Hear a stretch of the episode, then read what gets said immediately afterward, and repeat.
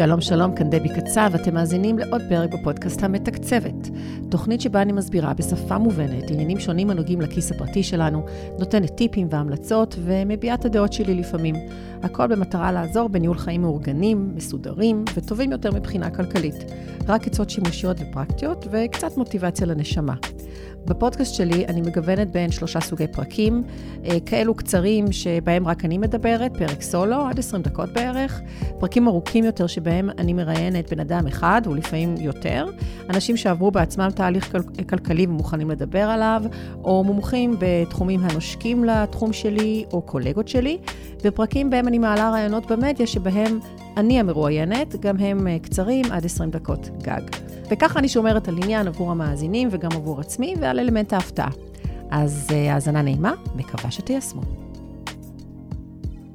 אז שלום שלום לכולם, ואתם מאזינים ומאזינות לפרק חדש בפודקאסט המתקצבת, וזה פרק נוסף בפורמט שבו אני מראיינת בעלי מקצוע נושקים לתחום שלי של אה, ניהול כלכלי, או אנשים שעברו בעצמם תהליך של התייעלות כלכלית. והתחום הזה, כמו שאנחנו יודעים כבר, הוא תחום מאוד נפיץ, מאוד רגשי, משופע בסטיגמות, וגם בפרק הנוכחי, כמו גם בפרקים קודמים שעשיתי, אנחנו ננסה לנפץ חלק מהסטיגמות בעדינות, אך בנחישות. והפעם אני מאוד מאוד נרגשת אה, לארח לא אחרת מאשר את אה, הדס וילף. אה, NLP trainer, מאמנת אישית ועסקית, והדס, אני אשמח שתציגי את עצמך ביותר אה, פירוט. היי דבי, תודה רבה. האמת היא שאני באמת מאוד מתרגשת להיות פה איתך היום. אנחנו מכירות אחת את השנייה כבר הרבה מאוד שנים, אבל סוף סוף נוצרה לנו ההזדמנות, או אה, יצרת את ההזדמנות שנוכל גם להיפגש בפורמט הזה. אז כמו שדבי אמרה, אני NLP trainer, אה, מה שאומר שאני מלמדת ומנחה NLP, ואני מאמנת אישית ועסקית. אה, תושבת כפר סבא, עצמאית כבר שנה עשירית, נשואה, אימא לשלושה, ועושה עוד כל מיני דברים. בלוגרית. בלוגרית, נכון. אז אני ארחיב, בסדר? כי הדברים שאני רוצה לספר שאת עשית ועושה, מאוד גם רלוונטיים לנושא של הפרק. הובלת במשך ארבע שנים, אם אני לא טועה, ארבע שנים, את מועדון שעות עסקים כפר סבא. ארבע וחצי אפילו. ארבע וחצי, שזה בעצם המקום שדרכו נפגשנו לפני הרבה מאוד שנים. את מובילה כבר חמש שנים את תוכנית הדור הבא ליזמים צעירים במסגרת מרכז הצעירים בכפר סבא. וכמו שאמרתי, אנחנו התחלנו את הקריירות העצמאיות שלנו במועדון, נפגשנו בעצם במועדון שעות העסקים, כשבעצם היינו שתינו בתחילת הקריירה העצמאית, וזה מועדון נטוורקינג, ומאז גדלנו, צמחנו, עסקית ממש במקביל. וכולל ההשתתפות שלי כמנטורית בתוכנית היזמות שאת מובילה. והזמנתי אותך, הזמנתי את הדס היום, כי בתחום העיסוק שלך, יש, יש בעצם נגיעות רבות לתחום של הכסף, ורציתי ככה לחקור איתך לעומק את המקומות האלה, כי אני חושבת שזה יכול לעזור גם למאזינים באופן כללי, וגם למאזינים ומאזינות שהם עצמאים. Mm-hmm. אז אנחנו ניגע בכל התחומים האלה, ואני בטוחה שנצטרך לתת הרבה מאוד ערך. אז בואו נתחיל בכובעך בעולם ה-NLP. מה זה בעצם NLP? זה איזו שאלה אחת שיש בה שלוש שאלות. תסבירי בבקשה לי ולמאזינים, מה זה NLP, איך זה יכול לעזור ביישום שינויים התנהגותיים בכלל, וכאלו הקשורים בכסף וניהול כלכלי באופן ספציפי. אז NLP, NLP ראשי התיבות, Neuro-Linguistic Programming, גישה שהתפתחה בערך סוף שנות ה-60, תחילת שנות ה-70 בארצות הברית, כשהרעיון הוא להבין איך המוח שלנו עובד. המוח שלנו, הנוירו, זה ה-N, היא המכונה או המערכת הכי מתוחכמת שקיימת, לדעתי, על פני כדור הארץ. הוא עובד מצוין. אם אני, או כשאני לומדת איך המוח שלנו עובד, אני יכולה להשתמש בזה לתועלתי. אני יכולה להבין איך למשל נוצרים הרגלים, איך למשל אני חווה את העולם. פה האל נכנס, השפה, הלינגוויסטיק. ברגע שאני מבינה איך אני מתקדמת, פועלת, עושה דברים, לומדת דברים, אני יכולה, למשל, לשכפל דברים שאני מאוד מאוד טובה בהם, או להכחיד התנהגויות שלא טובות לי. המוח שלנו, מן הסתם, עובד לפי הרגלים. אז יש לי הרגלים שהם מאוד מאוד יעילים, ויש לי הרגלים שהם ממש לא. רגע, אז את אומרת שהמוח שלנו הוא כלי מאוד מתוחכם, והוא הוא די אחרי שאנחנו נולדים הוא מתקלקל בגלל הרגלים, ואז אנחנו צריכים לבוא ולנסות ולא. בהכרח, לא רק מתקלקל, הוא גם נפלא, כי הוא, יש לנו המון דברים שהם מאוד מאוד חיוביים וטובים לנו. אנחנו צריכים אז להבין לא, אני במה אומרת, אם הוא. כלי כזה נפלא ומתוחכם, למה בעצם אנחנו צריכים לבוא ו... כאילו, מה, מה מתפקשש בדרך? שאנחנו צריכים ללמד את עצמנו מחדש, לעשות programming חדש. יפה, ה-P זה ה programming, זו האסטרטגיות שלנו. עכשיו, יש לנו אסטרטגיות מאוד יעילות. יש לי, למשל, אני יודעת להתנהל כלכלית מאוד טוב. אני יכולה לבדוק איך אני מתנהלת כלכלית מאוד טוב, ולשכפל את אותה התנהגות, אותם ערכים, או אותם התנהגויות, גם במקומות אחרים בחיים שלי. וזה לא רק לעצמי. ה-NLP נבנה מ modeling. modeling מגיע בעצם שאני יכולה ללכת לבדוק איך אנשים אחרים מצליחים מאוד בדברים שהם וללמוד מהם. Mm-hmm. אין חכם כבעל ניסיון. אני יכולה, לאו דווקא ניסיון שלי, כי אין חכם כבעל ניסיונים של אחרים. Mm-hmm. אני יכולה ללכת ללמוד איך אנשים אחרים עושים את זה, ולעשות את ההתאמות הרלוונטיות גם אליי. אוקיי. טוב, זה בעצם בא מכל עולם של ייעוץ, שאנחנו לא יודעים לעשות משהו בעצמנו, אנחנו הולכים, מתייעצים ולומדים מאנשים, או קוראים ספר, או צופים בסרטון, או כל דבר נכון, אחר. נכון, ואז פה אנחנו נכנסים לרבדים הנוספים שבהם אנחנו מתעסקים ב-NLP, שהם לכאורה התחומים הרכים יותר. אה, כל מה שקשור לערכים, לאמונות, לזיכרונות, לדברים שחווינו בתור ילדים או בתור מבוגרים, שמעצבים את החיים שלנו. זה לא מספיק, למשל, שאני יודעת איך להתנהל כלכלית, אבל אם אני באה עם מערכת ערכים מהבית, שלמשל לא מדברים על כסף, אז זו בעיה. אני צריכה לעבוד אז גם... איך ה-NLP פה בא ומשנה את. ההתנהגות הזאת? קודם כל מעלים למודעות. אנחנו ב-NLP עובדים המון עם לא מודע ומודע, ואז אפשר מהלא מודע להעלות דברים למודע ולעשות שם את העבודה הנדרשת. מהלא מודע למודע. למודע.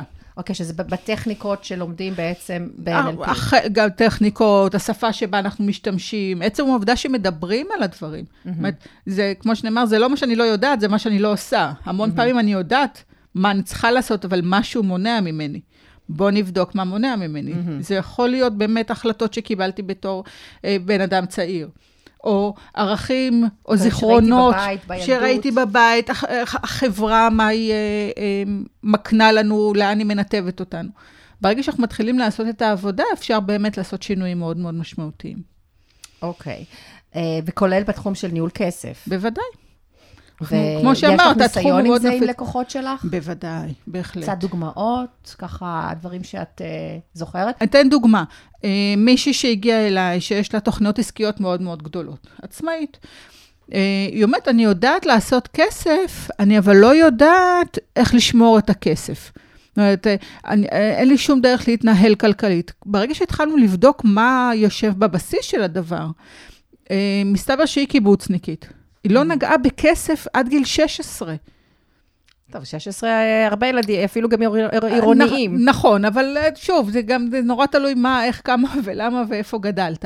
יחד עם זאת, כל השירותים ניתנים בקיבוץ. היא לא יודעת אפילו ללכת לחפש איזשהו שירות אחר, היא לא יודעת לבקש הצעת מחיר. לא. יש, הולכים למרכולית וקונים מה שיש. הנושא הזה של להבין מאיזה סביבה הגעת, מה, הייתה, מה היו ההשפעות על הדבר הזה. זו דוגמה אחת. דוגמה נוספת, למשל, כל הנושא של לבקש כסף. אם אני עכשיו כבעלת עסק עצמאי, שואלים אותי אה, מה התעריף שלי, או כמה עולה השירות, וזה אפרופו שימוש בשפה. אם אני אומרת אה, אה, 400 שקל לשעה, עם סימן שאלה בסוף, אני מיד פותחת פה פתח ל... את יכולה לעשות לי אה, מחיר? אבל איך ה-NLP פה עוזר בעצם? כי אני קודם כל גורמת לבן אדם להקשיב. בוא תבדוק איך בשיחת מכירה אתה בכלל אה, מתנהל. כמה עולה שעת אה, ייעוץ אצלך? 400 שקל. נקודה, או סימן קריאה.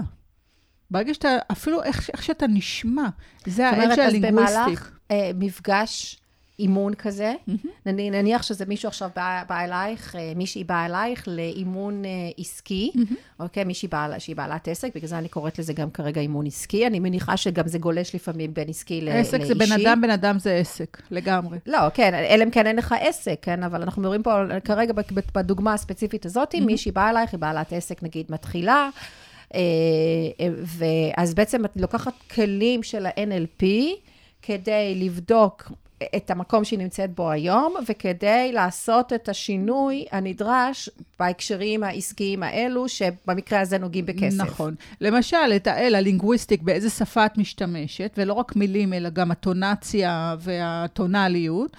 ה-P, ה programming, מה האסטרטגיה שלך? איך את מבקשת כסף? או איך את אומרת לעצמך כמה כסף את רוצה להרוויח, או וכו' וכו'. כשאנחנו הולכים שם גם ל neuro של המוח, של איך אני בכלל תופס את העולם. אוקיי. Okay. פה נכנס למשל נושא של ערכים ואמונות. כל הלא נעים לי, או אה, אני עובדת המון עם מטפלים ומטפלות. אה, אוי, אבל מגיע מישהו והוא עכשיו זקוק לעזרתי, איך אני יכולה גם לבקש ממנו כסף? מה זאת אומרת, איך את יכולה? את עוזרת לו, יש ערך שאת נותנת. כן, יש לי רק שליחות בעולם. כן, אבל זה לא, נכון. אבל עם שליחות לא, לא הולכים, אני אומרת, התשובה הכי טובה זה שליחות לא הולכים למכולת, אבל אני אגיד יותר מזה, אם לא תבקשי כסף, האם תוכלי להמשיך להיות עצמאית? זאת אומרת, לא, אני צריך לחזור לעשות משהו אחר, להיות איזה משהו אחר.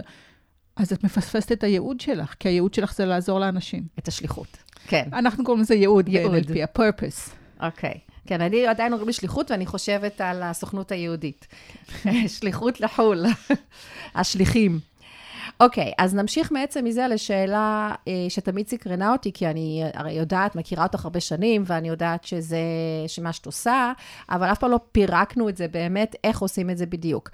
אם איך אני בעצם מכניסה את הכלי הזה לחיים שלי? עכשיו החלטתי שאני שמעתי על NLP, זה מאוד מסקרן אותי, אני חושבת שאולי זה יכול לעזור לי בחיים, או אפילו כעצמאית, גם אם אני לא בתחום טיפולי. Mm-hmm. האם אני עכשיו קובעת פגישה איתך, ואני אומרת, אני כאילו שואל, שואלת בפייסבוק, אה, אני רוצה עכשיו לעשות אימון בגישת NLP, אה, כאילו, על מי אתם ממליצים? ואז את, את, אני באה לפגישות אישיות, היא מאמנת כמוך שלמדה NLP, או אני צריכה ללכת... ללכת ולעשות קורס. זה לגמרי תלוי במה המטרה שלך.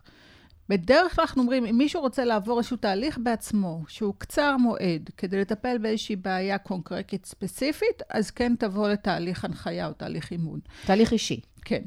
אם אתה רוצה להפוך ולהכניס את עולם ה-NLP ואת הגישה עצמה, כי מבחינתי זו רק גישה, זה לא רק כלי טיפולי או כלי אימוני, זה ממש גישת חיים.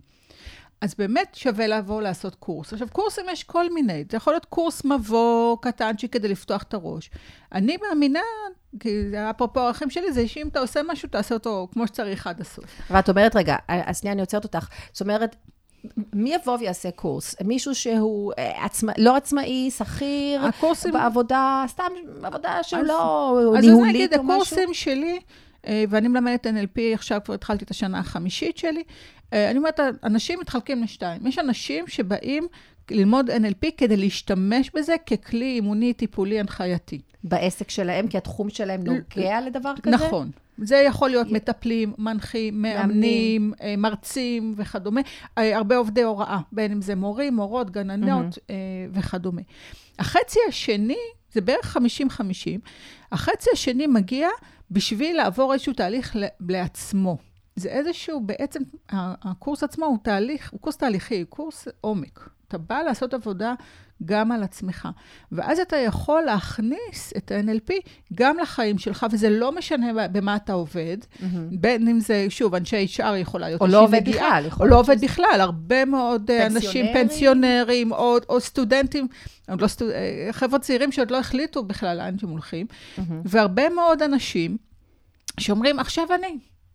רוצים לעשות איזשהו קורס התפתחות אישית. ואז אתה בעצם יכול להגיע לכל המעגלים. קודם כל, העבודה על עצמך. מה הדברים שפוגעים בך היום. זה לא רק פוגעים, זה גם להפוך להיות הגרסה הכי טובה של עצמך. וזה לא קלישה או סיסמה, אני יכולה לטפל גם במה שמפריע לי. ואז בעצם עושים קורס שהם, והם, והם הופכים להיות מה שנקרא NLP פרקטישנר. נכון. אני צודקת ברמות? כן, practitioner זה הקורס הראשון. ואתה, וברגע שאתה מיישם את הכלים על עצמך, אתה יכול בעצם להכניס אותם לכל הסביבה שלך. אז בין אם זה הילדים, בני זוג, במקום העבודה שלך, ולא משנה במה אתה עובד. זה אלטרנטיבה, נגיד, ללכת עכשיו לקואוצ'ינג? זה ברמה אחרת. מה זאת אומרת? אה, כי אתה יכול לעשות את זה, ואתה יכול להגדיר שאתה עושה קואוצ'ינג, שבדרך כלל תהליך אימוני אצלי הוא משהו כמו 10-12 פגישות. קורס NLP פרקטישנר הוא קורס של שבעה חודשים, זה לקחת בחשבון. זה תהליך ארוך, כשהקורס עצמו בנוי שבעה בצור... חודשים? 26 שבועות. וואו, אוקיי. קצת מעל חצי שנה. רציני. בהחלט. אה, והוא גם מגיע לעומקים מאוד משמעותיים. אז אנחנו עם גם... עצמך. כן. אוקיי, זאת אומרת, אתה צריך גם, את השיעורי בית הם על עצמך, אני מן נכון, הסתם. אנחנו מתרגלים כל הזמן. עכשיו, בעצם אתה בקבוצה גם, אז אתה צריך יפה. רמת פתיחות מסוימת. נכון. וזו אחת הסיבות שבקורסים שלי אני לא אוהבת כיתות של 30-40 אנשים, אני שומרת את זה בקבוצה קטנה ואינטימית. זה נראה לי חכם, כן.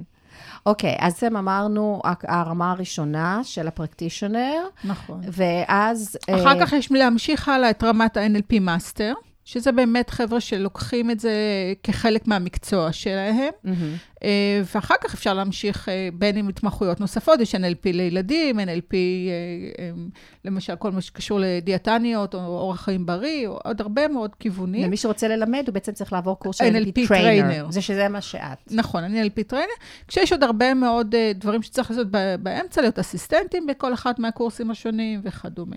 כן. מאוד חשוב היום, יש פריחה מאוד מאוד גדולה של אה, בתי ספר זהו, ל-NLP בדיוק בארץ. רציתי לשאול אותך לגבי הקורסים, אני רק כן. אחדד את השאלה.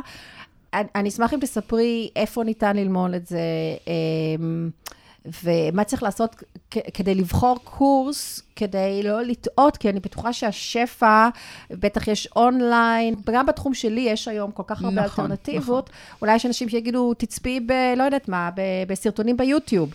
אז בואי תחדדי לאנשים שמקשיבים לנו, אם הם רוצים ללמוד, מה הקריטריונים, מה הפרמטרים שהם צריכים לקחת בחשבון לפני שהם מחליטים איך ללמוד את זה. אפילו ברמה הראשונית של הפרקטישנר. פרקטישנר.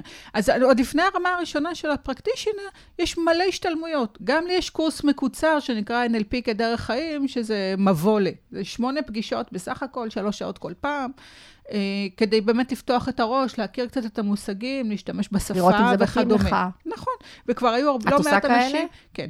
אה, אונלייני, אגב, זה זומי. אה, כן? אה, והיו הרבה מאוד אנשים שבאו, קיבלו את הטעימה, נפתח להם התיאבון ובאו לקורס פרקטישנר. אוקיי, זאת אומרת, לבדוק קודם כל אם יש את, ה... את האפשרות לעשות מבוא לפני שקופצים לא ישר. בהכרח. רוב האנשים שמגיעים לקורס פרקטישנר, זה אנשים שבאו ללמוד קורס פרקטישנר ולאו דווקא עשו משהו קודם. אני מן הסתם, מי שכבר מגיע ללמוד NLP, ובטח ברמת הפרקטישנר, עשה איזה שהם ברורים לבדוק שהתחום מתאים לו, שהנושא מעניין אותו וכדומה. ספציפית לפרקטישנר, לקורסי הסמכה, יש כמה דברים שצריך לבדוק לפני שהולכים לבתי ספר, ויש כמה בתי ספר מאוד מאוד טובים בארץ. אה, ראשית, מה שחשוב לראות זה באמת הוא עומד בתנאים של לשכת ה-NLP הישראלית. אחרי תהליך של הרבה מאוד שנים, הרבה מאוד, שלוש-ארבע שנים, בשנה האחרונה הוקמה לשכת ה-NLP הישראלית, בדיוק בשביל זה, כדי ליצור סטנדרטיזציה, שלא כל אחד שעשה איזשהו קורס אונליין יבוא ויגיד, אני פותח בית ספר. אז זה אז ש... לשאול ממש, האם אתה ממש רשום? לשאול, לבדוק כמה דברים. לבדוק, יש אתר, אפשר להיכנס ולבדוק את השם יש של אותו... כרגע עמוד אה, פייסבוק של לשכת ה-NLP הישראלית. ככה זה ועדת נקרא, לשכת ה-NLP NLP הישראלית. הישראלית. כן. אוקיי. יש כרגע תהליך של הסמכת בתי ספר, כי הייתה ועדה שממש הגדירה מה הסילבוס, מה נדרש מכל אחת הרמות. אה, הקורס, הקורס פרקטישנר, המינימום הנדרש הוא 120 שעות. אה, 120 שעות מלאות. אה, זה לא שעות אקדמיות. Mm-hmm. הקורסים שלי הם 130 שעות או 174 שעות אקדמיות. אם מישהו מציע לכם קורס פרקטישנר ב-40, 50, 90 שעות, קחו בחשבון שהוא לא מאושר לשכת ה-NLP. אז רגע, בעמוד פייסבוק של לשכת ה-NLP הישראלית, יש אה, רשימה מה- של עובדים על זה? כרגע. זה ממש הכל טרי טרי. אז אם אני לא בטוחה, מה, לשלוח להם. הודעה ולשאול? כן, פשוט תרימו טלפון לבית הספר ותשאלו, האם מוכר על ידי לשכת ה-NLP אבל הישראלית. יכולים להגיד לי מה שהם רוצים. יש תעודות. אבקש יש- שישלחו תעודה? כן, או להיכנס באתר, לראות באתר של בתי הספר השונים. אה, יש, אה, הם לא מזייפים סילבוס. תעודות, אני מקווה, לא. כמו בחיסונים. לא. אוקיי. יש, אה, יש סילבוס, מה הדברים שנדרשים ללמד. לבקש לראות סילבוס? זה תמיד נכון, כדי לראות שאתה, מעניין- שזה מתאים לך. אבל Mm-hmm. בתור התחלה זה באמת עניין של כמות שעות. מעבר לזה, תבדקו מי המנחים. לראות שהמנחים עצמם, הם כולם יותר ממנחה. אחד? יש קורסים שלומדים בקו, שניים, שלושה אנשים. הקורסים שלי, רק אני מלמדת. Uh, זה ממש ככה, בסיס, מטעם מי ההסמכה. אני למשל מסמיכה מאחד הארגונים הבינלאומיים הכי גדולים בעולם, הוא נקרא uh, INNLP, International Institutes of NLP, מאגד תחתו uh, מאות בתי ספר מרחבי העולם. זה מאוד רציני. יש ממש, אני משלמת דמי חבר, בודקים אותי, אני שולחת סילבוסים וכדומה. אה, עוד דבר, ציינת את זה קודם, כמה אנשים בקבוצה. כמה אנשים, פה זה כבר נושא של העדפות האישיות. כמה אנשים בקבוצה, אני מעדיפה קורסים יותר קטנים. אה, מבחינת כמות האנשים. בגלל הקטע של החשיפה הנדרשת. נכון, וליצור איזושהי קבוצה אינטימית שאפשר באמת לעבוד. אה, אני מכמות מסוימת של אנשים, תמיד יהיו לי אסיסטנטים בכיתה. Mm-hmm. כדי ש... בקורסים שלי כבר מהשיעור הראשון יוצאים לתרגל. אני מעבירה תוכן ומיד יוצאים לתרגל, כי זה קורס פרקטי לחיים, זה לא רק חומר תיאורטי. כן. אז כשמתחלקים לקבוצות או לזוגות, תמיד יהיה עוד זוג עיניים לפחות שיעבור ובין אז ה... זה עוד דבר שצריך לשאול, כן. האם יש אסיסטנט אסיסטנטים, ש... כמה אנשים נמצאים בחדר מבחינת צוות. Mm-hmm. זה הדברים ככה עיקריים ש... אנחנו מדברים על קורס פרונטלי, נכון? נכון. יש גם היום קורסים אה, אונליינים. דיגיטליים אונליין? שאז, אז דיגיטלי... או שזה זום אונליין? אז זה זום אונליין, כי כן חי, צריכה להיות המעורבות. אה, חלק מהדרישות של הקורסים... זה לא משהו שאת יכולה ללמוד לבד, כאילו נכון, בקצב שלך. בדיוק. כי יש את הנושא הזה של התרגול.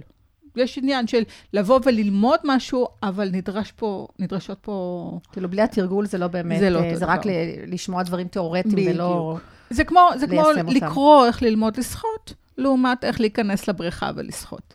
או ללמוד איך לגלוש גלים, מאשר לעלות על הגלשן. ומה, גם עוד דבר ראשון, אני מניחה, זה מה הדרישות, כמה שיעורי בית יש, כמה עבודות, נכון. האם יש עבודת... אה, אה, עבודה לקראת הסוף שצריך אז, להגיש. אז יפה, אז גם זה הוגדר על ידי לשכת ה-NLP הישראלית. Mm-hmm. בקורס פרקטישנר שמוסמך ומאושר, צריך להגיש עשרה דוחות הנחיה, יש מבחן מעשי, יש מבחן עיוני. קורס המאסטר, יש כבר דרישות נוספות. רגע, ואת בודקת את כל העבודות בעצמך? כן, אני בודקת את העבודות בעצמי. אז גם לך יש הרבה שיעורי בית. הרבה מאוד. לא רק את ההכנה והכנת החומרים, אלא גם לבדוק נכון. עבודות, מורה. ואני גם מאוד נהנית מזה, כי אני רואה את ההתפתחות ואת הגדילה של התלמידים, אז זה כיף מאוד גדול. כן.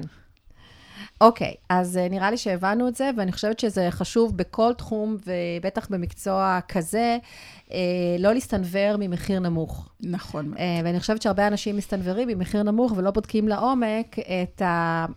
האם זה מתאים למטרות שלך, ובאמת כל הפרמטרים, כמו שאמרת, מה זה בסוף, אה, אה, את כל התהליך, איך זה עובד. אפילו דברים אה, טכניים, כמו איפה זה מתקיים, כמה, נכון. מפגש, כמה שעות כל מפגש, מה קורה אם אני מפספס מפגש, האם יש לי דרך, דרך להשלים. להשלים. נכון מאוד. לך יש השלמות כן, גם אם, אם מישהו מפספס בגלל מחלה, אז לא יודעת כל, מה? קודם בגלל, אחד הדברים שקורונה אפשרה לנו, זה לפעמים מה שנקרא למידה היברידית. כי מישהו עכשיו צריך להישאר בבית כי הוא בבידוד, או חלילה כן חולה, אני בזום? ממש, אני פשוט פותחת זום והשיעור נעצנר אה. במקביל. אמ, אם מישהו מפספס שיעור, אני, גם יש חוברת הקורס, מקבלים את כל החומר כתוב, את כל המצגות אני שולחת, אם אני מראה סרטונים, אני שולחת את כל, זה ממש מאוד מאוד מסודר. רציני. כן, יש דרך להשלים את השיעורים. אז אה, מה הקורסים שנפתחים לך בתקופה הקרובה, ומי שישמע אחרי התקופה הקרובה, איפה אפשר למצוא עוד מידע? אז קודם כל באתר שלי, הדס וילף. הדס וילף בגוגל, ו' י' ל' פ' סופית. או תכתבו אין מקום שהוא רחוק מדי, זה המוטו שלקחתי מספר של ריצ'רד באך, וזה הבלוג שלי, ופשוט מגיעים כך לאתר. שם תמיד יש פירוט על הקורסים הקרובים. ספציפית, מי שישמע עכשיו, יש קורס ערב, practitioner, שנפתח בכפר סבא, ממש אוטוטו ב-20 לאפריל. אה, וקורס בוקר שייפתח לקראת סוף מאי, 19 גם, למאי. גם practitioner? גם בכפר המ... סבא. גם בכפר סבא. את קורס ה master אני פותחת אה, אחרי חגי תשרי, כי קורס master יש פעם בשנה. לעומת קורסי ה practitioner שאני פותחת 4-5 אה, פעמים בשנה, במועדים okay. אוקיי. שונים. אה, אני מלמדת גם במכללת קרקור. זהו, רציתי לשאול אותך על זה. כן, אז במכללת קרקור אני מלמדת אה, גם קורסי practitioner וקורסי master. הקורס הבא, הקורסים הבאים ייפתחו באמצע יוני. זה... בקרקור. בקרקור. אוקיי, okay, אז בואו נדבר רגע על הכובע שלך כמאמנת עסקית. אה, אמרנו בהתחלה שאת מובילה כבר אה, חמש שנים, בעצם ממש לא מזמן אה, נסגר המחזור החמישי של פרויקט הדור הבא ליזמים מתחילים, דרך מרכז הצעירים של עיריית כפר סבא. וניהלת עד לא מזמן את מועדון שעות העסקים של כפר סבא, היה לך גם את המרחב לבעלי העסקים שהתקיים אצלך, וגם תוכנית ממריות גבוה, נכון. שאני לא יודעת אם זה עדיין מתקיים או לא. כי את כל כך עסוקה עם ה-NLP. כן. וכמובן יש לך הקליניקה הפרטית שלך, שגם שם את מאמנת בעלי עסקים אחד על אחד. נכון. כלומר, יש לך הרבה מאוד ממשקים מול בעלי אה, עסקים קטנים, עצמאיים. אה, אני גם מנטורית בקורס אה, הדור הבא כבר מספר שנים, גילוי נאות מה שנקרא, mm-hmm. ואני יודעת כמה דגש את שמה במהלך הקורס על הצד הפיננסי של ניהול העסק, ועוד גילוי נאות, שאני בדרך כלל מובילה את המפגש הספציפי הזה בשנים האחרונות. אז נתנו כבר כמה דוגמאות על הנושא הזה, אבל בואו נדבר קצת יותר, ככה נחקור לעומק, את הקשר בין עצמאים לכסף וניהול הכסף. אה, כמה דוגמאות שאם את יכולה לתת, שאת נתקלת, של יזמים או בעלי עסקים, כי באמת, עוד פעם, הממשק שלך הוא עם הרבה מאוד, שמתעלמים מהצד הזה של העסק, או לא מתייחסים אליו בכובד ראש, אה, בכבוד הראוי נגיד. נתת כמה דוגמאות, אבל אני אשמח, אני אשמח לעוד כמה דוגמאות, כי גם אני, מהזווית שלי, גם כמנטורית וגם כמובן כמאמנת אה, או, מאני קואוץ', אני נתקלת בזה הרבה מאוד, אה, אבל אני אשמח לשמוע את הדוגמאות של דברים שאת ראית שקורה לבעלי עסקים, שבהגדרה, אה, מעבר לייעוד, הם, הם בעלי עסק, כי מזה הם רוצים להתפרנס. נכון. אז כמה, כמה טעויות ואיך אפשר באמת uh, לטפל בהן? אז uh, אחת השאלות הראשונות שאני שואלת, בין אם זה בתוכניות שאני מלווה ומנחה, או בין אם זה באחד על אחד, השאלה הראשונה שאני שואלת בעל עסק, זה האם הדבר הזה שלך הוא העסק או תחביב? כי אם הוא תחביב, זה סבבה וזה בסדר, תתייחס אליו ככזה. אבל אם הוא העסק שלך, אז קח אותו בכל הרצינות הנדרשת. ואחת השאלות שאני יודעת שאת אוהבת לשאול, זה הנושא של הייעוד והכסף, האם אני עושה את זה עבור פרנסה, כן או לא. להבין שהעסק, הזכות קיום שלו, אם הוא העסק, זה שבסופו של דבר אתה מרוויח ממנו. זאת אומרת, את ממש שואלת את האנשים, כמה אתה מרוויח מעסק? כן. כמה אתה, מה המחזור שלך? ואחת הבעיות העיקריות, זה כשמישהו אומר לי, וואלה, אני לא יודע. פה וואו, אני מבינה שיש בעיה... מה עובר לך בראש באותו רגע? אה, שנורא בא לי לנער אותו. או אותה. או אותה. אמ, האם בכלל... אבל את, במקום לנער, את משתמשת בכלי NLP בוודאי. כדי לעזור להם אה, להבין שהם צריכים לחשוב קצת אחרת. בתור התחלה, אני רוצה להבין מה מונע מהבן אדם לדעת כמה כסף הוא מרוויח. האם זה משהו כי הוא מפחד לבדוק? האם זה משהו כי הוא שם את זה בצד, כי לכאורה אני עושה את זה לטובת הייעוד שלי, או כי זה נורא מסקרן אותי, או כל מיני כאלה. בסופו של דבר... או שהוא לא יודע איך לעשות את זה. או שהוא לא יודע איך טכני, לעשות את זה. טכני, פשוט בעיה טכנית. יכול להיות גם בעיה טכנית. אז אחד הדברים שאני בודקת תמיד זה שהבן אדם יודע כמה כסף הוא עושה בכל חודש. עכשיו יגידו לי, תראי, המחזור. אבל יש חודשים כאלה. המחזור חודשים... או הרווח? אני רוצה לדעת גם וגם. Mm-hmm. כי, כי אם אתה מרוויח מלא כסף, אבל ההוצאות שלך הן פסיכיות, ובסופו של דבר אתה מרוויח, אז לא עשית בזה שום דבר. ומבחינתי, מישהו שההוצאות וההכנסות שלו מאוזנות, זה גם לא טוב. נכון. אנחנו לא נמצאים פה כדי להעביר כסף ממקום למקום, אלא כדי גם להרוויח אותו. עכשיו, שוב, חשוב להגיד, אני לא עובדת עבור הכסף, אני עובדת כי אני מאמינה בו, אבל אני מתפרנסת. כי מבחינתי כסף זה ערך למשהו אחר. כסף מאפשר לי להתקדם ולהגשים את המטרות שלי, בין אם זה מטרות... גנבת את השאלה. לא בסדר, זו השאלה האחרונה שלי פה. סליחה. בסדר, הכל טוב. תוכלי לשאול את זה אחר כך שוב. אז דוגמה אחת זה באמת אנשים שלא יודעים כמה כסף הם מרוויחים, אם בכלל. עכשיו, זה נובע ממלא מלא דברים. אה, אני אתן דוגמה על מישהי שעבדה כשכירה הרבה מאוד שנים, היה לה איזשהו תחביב שרצה לפתח כעסק, אה, עזבה את מקום העבודה שלה ופתחה את העסק. והתחילה לעבוד, עובדת יפה. ויום אחד היא באה אליי ככה עם פנים קצת נפולות, אומרת לה, מה? אומרת לי, בעלי שאל אותי, מתי אני חוזרת לעבוד?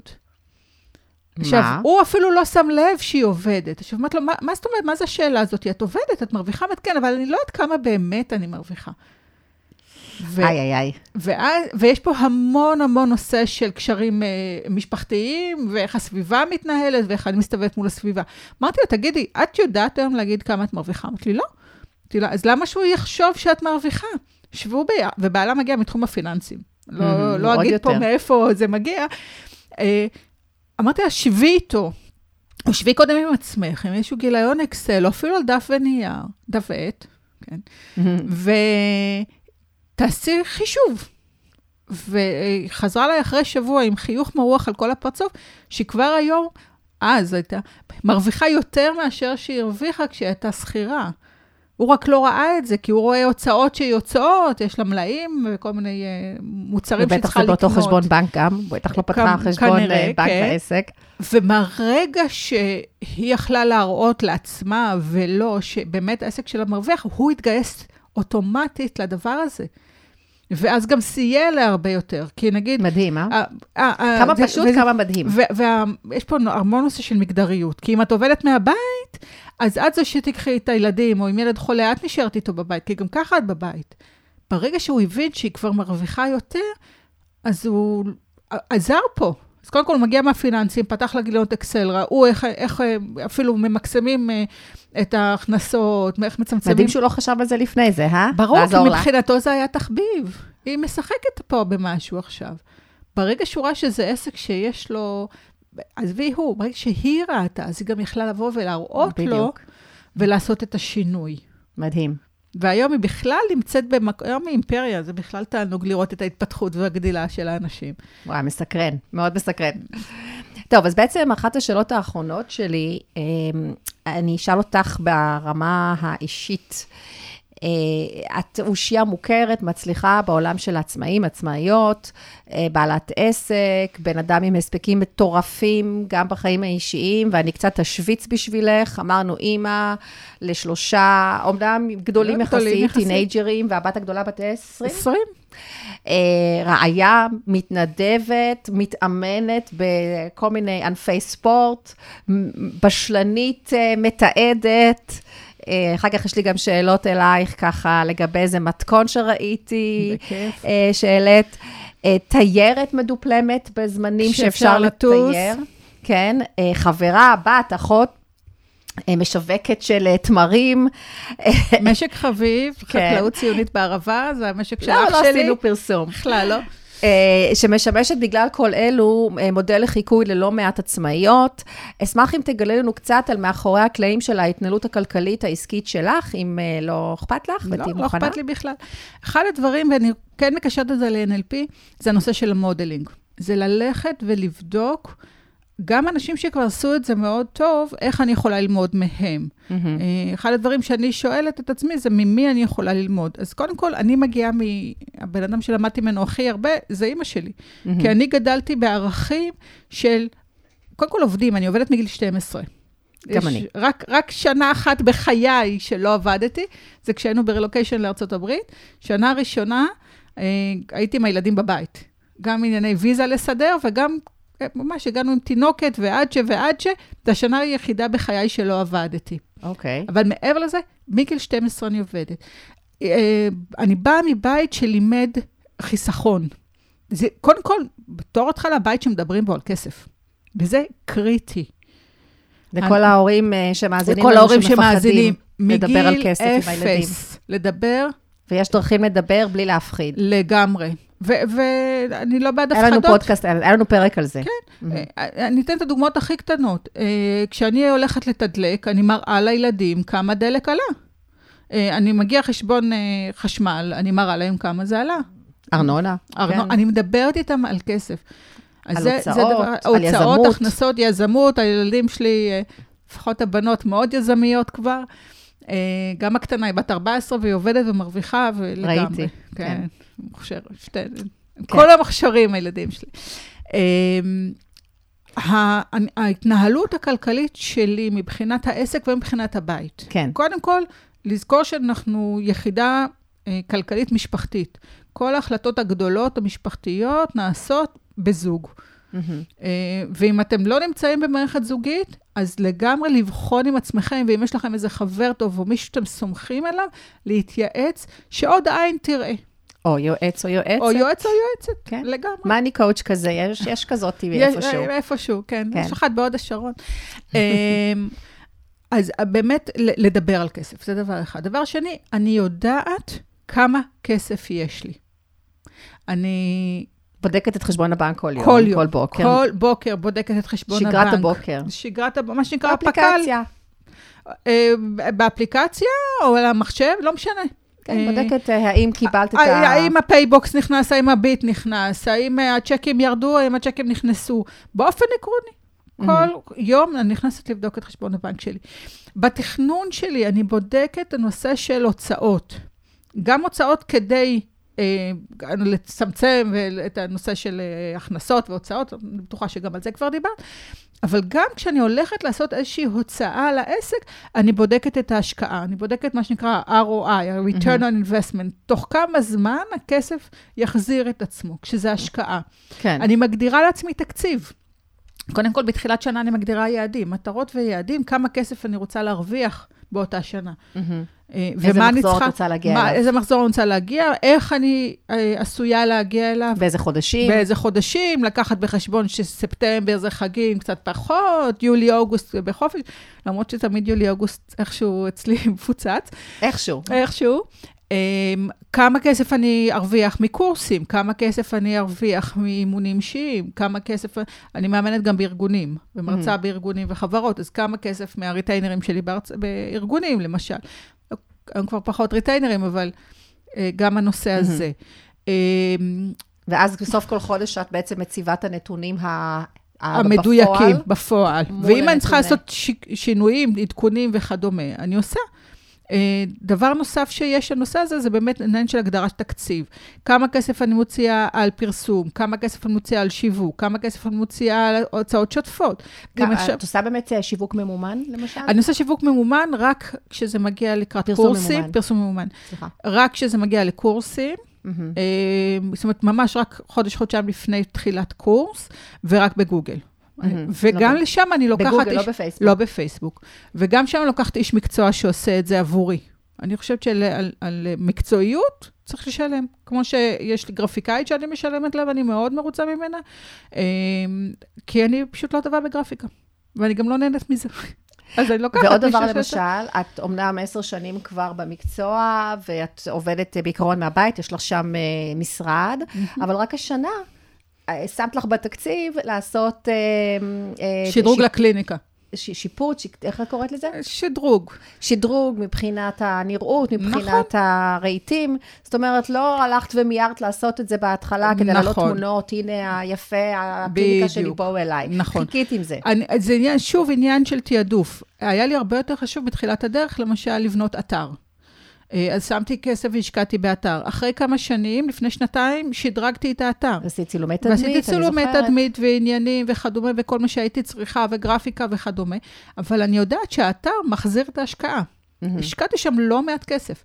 כן, לא, לא קל לראות את ה-ROI המדויק, נכון. הוא באמת בנוי מכל מיני דברים שאת עושה שיווקית, אבל... אה, וזה לבנות תקציב לאורך השנה. אני למשל כל שנה שמה כסף בצד להתפתחות האישית שלי. Mm-hmm. זה יכול להיות הרצאות וקורסים בתחום שלי. עכשיו, למשל, באוגוסט עשיתי קורס התמחות בחרדות וטראומות, וזה יכול להיות משהו כבעלת עסק. למשל, ללכת לעשות קורס ספציפי על פודקאסטים, mm-hmm. למשל. אמ, ואני שמה בצד תקציב לספרים, ואני שמה בצד, זה ממש משהו שנכנס לתחשיב של העסק. זה דבר שאת עושה, את קוראת, את קוראת ספרים. ומאזינה לספרים, אני יודעת. נכון, נכון. כן, כן, את שמה לזה תקציב. בהחלט. אז בהחלט יש מה ללמוד מבחינה עסקית, אה, כלכלית, אז תודה על השיתוף. בשמחה. ובעצם שאלה אחרונה שכבר ענית עליה, אה, אבל אני בכל זאת אחזיר, כי אני חושבת שזה סוגר לנו הרבה פינות. אה, אמרת שהמוטיבציה העיקרית שמניעה אותך בעסק היא לא כלכלית, היא לא כסף כפרנסה, אלא יותר התחושת הייעוד, נכון? נכון. יחד עם זה הפרנסה באה, אני, אני לא עושה את זה לשם שמיים. אני מתנדבת, יש לי תמיד פרויקט התנדבותי מסוים, mm-hmm. מה שאני בוחרת, אני בהחלט עובדת עבור כסף, אבל לא זה מה, ש, מה שנקרא מקפיץ אותי מהמיטה בבוקר.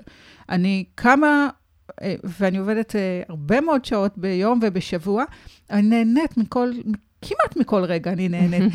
אה, יש ביטוי של תעסוק במה שאתה אוהב ולא תעבוד יום בחייך. זו התחושה שלי. אז זה לא אומר שאת לא עושה דברים שהם מאוד מאתגרים וקשים ו- ומצריכים אה, השקעה, בוא נגיד, של דברים שאת אומרת, אוקיי, זה ממש קשה לי, אבל אני אעשה את זה בכל זאת? כי זה מוביל אותי לקראת משהו. אני לא עושה משהו, אני אתן דוגמה. אני אוהבת לכתוב, אני נהנית לכתוב את הבלוג שלי. אמ, אבל הוא דורש ממני מאמץ, זה לשבת ולכתוב ולמצוא את ה image הנכון ולהעביר את זה לניוזלטר וכדומה. אני עושה את זה לא, אני לא כותבת לשם הכתיבה, אני כותבת כי אני רוצה לפתוח לאנשים את העיניים. את לא כותבת לשם ההנאה. נכון. זה קשה לך. את כאילו הולכת קצת אחרי, אה, נג, אה, נגד ה grain, נגד הטבע שלך. זה דורש מאמץ. זה דורש מאמץ. זה כמו שאני פחות אוהבת להצטלם בווידאו, אבל אני עושה את זה לא כי אני עכשיו רוצה להצטלם בווידאו כדי שיהיה לי ערוץ יוטיוב, אלא כדי שיותר אנשים יגיעו לקורס שלי, כדי שהם יוכלו לעשות את ההתפתחות שלהם בחיים, ואני אומרת, להפיץ את הטוב הזה אה, בעולם. אה, כמובן שאני שמה את הכסף מאוד מאוד גבוה בסולם הערכים, כי זה חשוב לי להרוויח גם ממה שאני עושה. זאת אומרת, אני, עוש, אני, אני מזנקת מהמיטה, לא וואי, אני הולכת להרוויח מלא כסף, אלא היום. אלא אני מזנקת מהמיטה כי יש לי קורס היום, גם משלמים לי עליו. כן. אני חושבת שזה דבר מאוד חשוב לכל מי שמאזין, אבל במיוחד לעצמאים, כי אנשים מפחדים מאוד לדבר על זה. אה, גם שכירים כמובן, אבל עצמאים מפחדים, אה, ואני אומרת את זה גם כמנטורית, שכל הנושא של זה, כמה באמת המחזור שלי, אנשים לא מדברים. גם לא במפגשים עסקיים, גם לא ב, אה, במסגרת של הקורס. המספרים עצמם, אנחנו לא חושפים את זה אחד לשני. האם המחזור שלי הוא 3,000 שקל, או 10,000, או 15, או 20? אני מדברת חודשי, כן? אה, או אפילו במונחים שנתיים. אנחנו כאילו, יש על זה מדבקה כזה, אמוג'י, לא מדברים. ואני אומרת כזה דבר, אתה לא חייב... שלא לא יחשבו שאנחנו עכשיו נלך לקבוצת נטוורק ותגיד, אתה מרוויח X בחודש. אבל תמצא לך את הקבוצה שלך, שהייתה, אתה יכול לדבר, עכשיו, זה יכול להיות ה-financial coach. מה?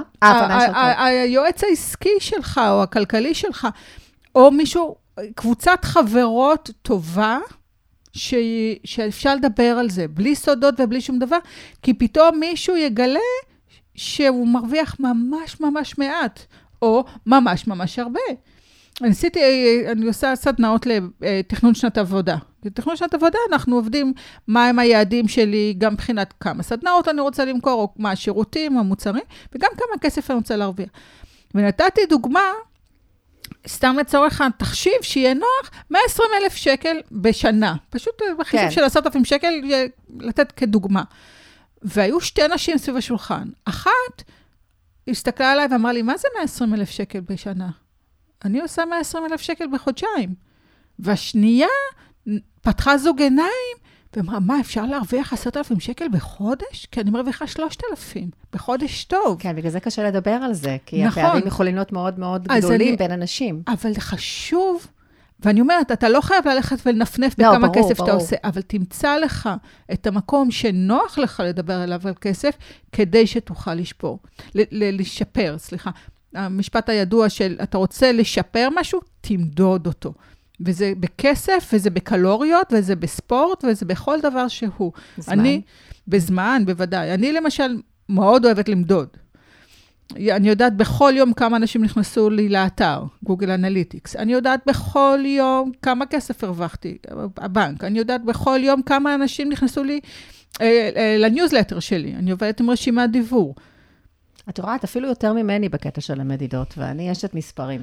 ואני לא אשת מספרים. אני אשת רוח, תני לי ספרים, אני, מתמטיקה שלי שלוש יחידות בלחץ. מדהים, אבל זה כאילו מעניין אותי, איך לקחת נכון, את זה. כי ו... זה מעניין אותי, כי אני רוצה למדוד את השיפור שלי. אני ו... מקשיבה, אני מסתכלת על ההאזנות של הפודקאסט. זה הכי מעניין אותי כרגע. כן. ו- וכשאני... בגלל. אני משקיעה בו המון, שאגב, דיברנו, אני קצת סוטה, אבל אה, דיברנו קודם על השקעה, אז זה, אני, אני מאוד אוהבת דברים טכניים, את מכירה אותי, וזה מאתגר אותי, זה לא אומר שזה קל לי, ולהראה, את יודעת כמה, הרבה אני עובדת על, על הפודקאסט הזה, לא רק מבחינת תוכן, אלא גם בקטע הטכני, אה, אבל זה קשה. אני, אני, אני די נלחמת בזה, ואני צריכה לעשות את המאמץ. ואז הצלחה יותר כיפית. נכון, כנראה. כי כשאתה מגיע ש... לס... אם זה נורא קל, אז אה. נכון. אבל אם התאמצת משהו והצלחת, פה תחושת ההצלחה. נכון, אז גם בקטע הכלכלי, העסקי והכספי העסקי, אני חושבת שהשיתוף הזה עם אנשים שבאמת אתה מרגיש איתם בנוח, יכול אה, באמת לשנות לך אפילו את העסק עצמו, כי אתה יכול בעצם להבין שיש איזו תקרה שאתה יכול להגיע מבחינת אה, מחזור כרגע באיך שהעסק בנוי, ואם אתה רוצה או צריך, לפעמים זה גם עניין של צריך, כי פה אנחנו. בכל זאת מפרנסים משפחות פה, אז יכול להיות שאתה צריך לעשות שינוי בעסק עצמו. אה, כדי לפרוץ את התקרה הזאת. אני, ואני אתן דוגמה, לי יש שירות שמאוד מאוד אהבתי, מרחבי עבודה. נהניתי ממנו בצורה יוצאת דופן, אני יודעת שהוא עשה השפעה גם על הרבה מאוד אנשים. במשך ארבע שנים, נכון. שלוש פעמים בחודש, הגיעו אליי לסלון לשלוש שעות כל פעם. ובאיזשהו שלב זה הפסיק להתאים. גם כלכלית הוא היה לחלוטין לא רווחי, mm-hmm. למרות האהבה הגדולה שלי וכמה ש... וגם הבנתי שתחום העניין שלי קצת השתנה. ועל השלוש פעמים בחודש הזה, אני יכולה לשים קורס שיכול לעשות השפעה אפילו עוד יותר גדולה בעולם, ולגרום לי להרוויח יותר כסף. אז נפרדתי ממנו בצער, לקח לי קצת זמן להיפרד אני ממנו. אני זוכרת, כן. יחד עם זאת, אני יודעת היום בוודאות שזו הייתה החלטה נכונה. וכשאתה עושה, באמריקאית יש כזה ביטוי, להיות הקיר שעליו אתה זורק את הכדור. מישהו to bounce your ball mm. at. Let's bounce uh, some ideas around. בדיוק. כן. את, את, הלכתי, התייעצתי עם, עם נשים שאני מעריכה ואוהבת, גם ביקורתיות, זה טוב. אני נותנת אותך כדוגמה, כשאני צריכה כן. עוד עין ביקורתית שתסתכל, אז ללכת לאנשים שמבינים בתחום, ולא רק יגידו לך, וואה, זה מהמם, זה נפלא. נכון, או... וגם לא כאלה שיורידו אותך. עזוב, כן. למה? בשביל מה לך? תמצא את, התקופה, את, ה, את הקבוצה התומכת שלך, היא יכולה להגיד לך דברים קשים, אבל ממקום בונה ומקדם, כן. לא ממקום מוריד. נכון. וזה רק יכול לקדם אותך, גם עסקית וגם uh, כלכלית, וגם אם אין לך עסק, גם בכלל בחיים, נכון. לעשות איזושהי התפתחות שתהיה לך, שתעשה לך טוב בכל האספקטים של החיים, אם זה בעבודה שלך כשכיר, או עם המשפחה, עם הילדים. אני חוזרת ל-NLP. ואמרת לי שאת תרצי, אני בדרך כלל אוהבת להשאיר את המאזינים עם, עם קצת אה, שיעורי בית, שהם כמובן לא חייבים לשלוח לי את התשובות, אבל אה, אני אשמח לתת להם איזה מטלה או שתיים מהתחום של ה-NLP, שקשור גם לקטע הכלכלי. אוקיי, okay, אז כמה דברים. אחד, אחד הדברים שאני הכי אוהבת לעשות זה לשנות את השאלה. ומה הכוונה פרטי. בלשנות את השאלה? Okay. אה, קודם כל, אני משתדלת מאוד לא להשתמש במילה למה. למה לא עשית? למה זה? למה אני לא, למה אני לא מצליחה לקום, לרוץ בשבת בבוקר? למה אני לא מצליחה לנהל את הכסף למה שלי? למה לא מצליחה לנהל את הכסף אז שלי? אז מה, איך את משנה את השאלה? אני שואלת איך. כשזה למה, אני יכולה לשאול מה מונע ממני. מה מונע ממני עכשיו לנהל את הכסף? מה מונע ממני עכשיו לקום לרוץ בבוקר? מה מונע ממני, מה מנע ממך מלשבת לעשות שיעורי בית? סתם, אנחנו פה עניין הילדים גם כן. כן. אמ, השאלה האחרת היא איך. איך אני יכולה לנהל את הכסף שלי? איך אני כאילו, יכולה כאילו, להצליח? זה צריך להיות אחרי השאלה של מה מונע? רצוי מאוד. כי אז אתה בעצם, האיך בודק, יבוא משם. נכון. אוקיי, מה שמוביל אותי ואיך? לשאלה השנייה, על שיעורי בית, הסעיף השני של שיעורי כן. בית, זה תבדקו באמת מה מונע מכם. מה מפחיד אתכם? מה גורם לכם לא לדבר על כסף? או מה גורם לכם עכשיו להימנע מלבקש כסף? או להימנע... יש את מישהי שאפרופו דוגמאות, אה, מישהי שהייתה אצלי, אומרת לי, יש לי מלא, מלא כסף בחוץ. את לא, מה זאת אומרת? היא אומרת, אני לא גובה. וואי, וואי, וואי. אני לא גובה, אני, אני אומרת, טוב, תשלם לי אחר כך, ואני שוכחת לבקש. אוי, אוי, אוי. ובטח זה לא שוכחת, יש פה משהו אחר. כן. אז תבדקו מה מונע מכם, אוקיי. והאיך מתחבר גם לנושא של modeling. תבדקו, בין אם זה קטע של ניהול כלכלי, ובין אם זה בכלל קטע של העסק, או לא רק עסק. זה חינוך ילדים, זה תקשורת עם בני זוג, תקשורת עם עצמנו.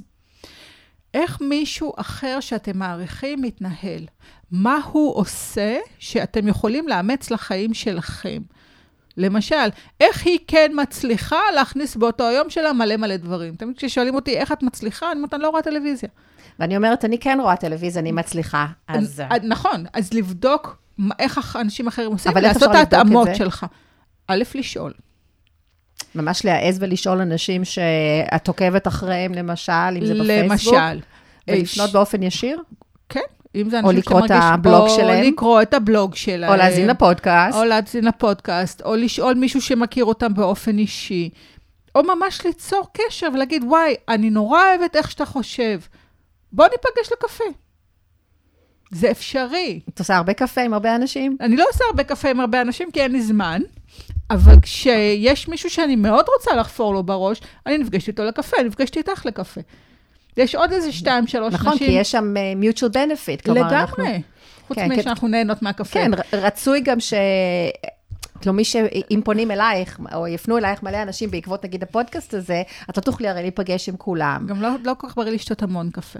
אפשר תה, אפשר מים, אפשר סודה, אבל uh, בסופו של דבר, כלומר, לא כל אחד יכול, uh, אם עכשיו אני רוצה להיפגש עם מישהי, לא יודעת, שאני מאוד מעריצה, לא תוכל בהכרח, לא תחזור אליי בהכרח. נכון, לא בהכרח, אבל אני גם גיליתי שאנשים רוצים לעזור. נכון. אז אני אומרת, אפשר באמת אה, אה, למצוא את הדרכים, כי היום גם הרבה מאוד אנשים מצליחים, כן, יש להם את הדרכים שהם, אה, או, או מתראיינים, אגב, הרבה מאוד אנשים היום מתראיינים מתראיינים. לפודקאסטים, נכון. אז אפשר להקשיב להם, גם אם זה לא באופן ישיר, אה, ואפשר לקרוא ספרים, אפשר יפה. לקרוא רעיונות איתם. אז אני למשל מקפידה, אפרופו קריאת ספרים, על קריאת ביוגרפיות. ביוגרפיות ואוטוביוגרפיות. אנשים שאני מאוד מאוד מעריכה, וזה יכול להיות אנשים מכל העולם כולו, אני פשוט הולכת וקוראת עליהם את הספרים שכתבו עליהם, או את הספרים שהם אה, כתבו בעצמם. כתבו. אה, מישל אובמה, למשל, היה אחת, אחת הביוגרפיות האחרונות שקראתי. ארנולד שוונצנגר, אחת הביוגרפיות שקראתי. מישל אובמה כותבת יותר טוב מברק אובמה, אגב. קראתי גם אני את שלו. בטוחה שיש לה גם מישהו שעוזר לה, אבל ועדיין. כן, אה, גם לדעתי הדרך שהיא עשתה היא מדהימה. כן. ללכת, לקרוא, לשאול. אה, המילה שאני השראה. כל כך אוהבת, בדיוק, המילה שאני מאוד מאוד אוהבת ב-NLP זה סקרנות. בואו בסקרנות. לא למה אני לא מצליחה, אלא איך אני יכולה. מהמם, נכון. וואו, זה בנימה מצוינת לסיים. אני רק כאילו אסכם. אמרנו בעצם שיעורי הבית. לש, לשנות, לשנות את את השאלה ללמה אני לא, אלא לשאול איך, מה, גם או מה מה מונע ממני. מה מונע ואיך למה- אני יכול. למה זה מילה מאשימה? כן. מלכתחילה זה מתחיל בלהאשים.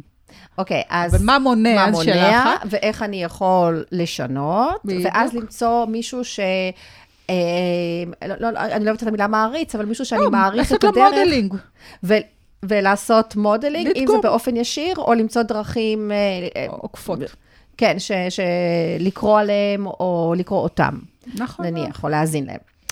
אוקיי, אז הדס, ממש ממש תודה על שבאת והקלטנו את הפרק הזה.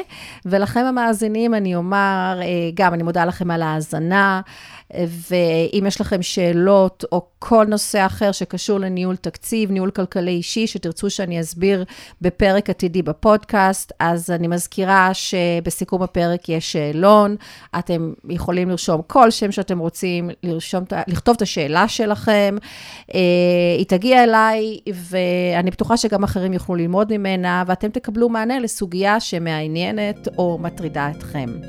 ועד הפרק הבא, אני אגיד adiós. ביי, תודה רבה. ביי ביי.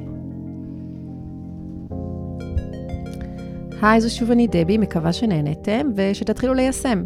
אני גם מקווה שאתם לא שוכחים לעשות follow או subscribe לפודקאסט, כי באפליקציות הפודקאסטים ככה הכי קל לקבל התראה כשעולה פרק חדש ולהאזין לו ישר מרשימת הפרקים החדשים של כל התוכניות אחריהן אתם עוקבים.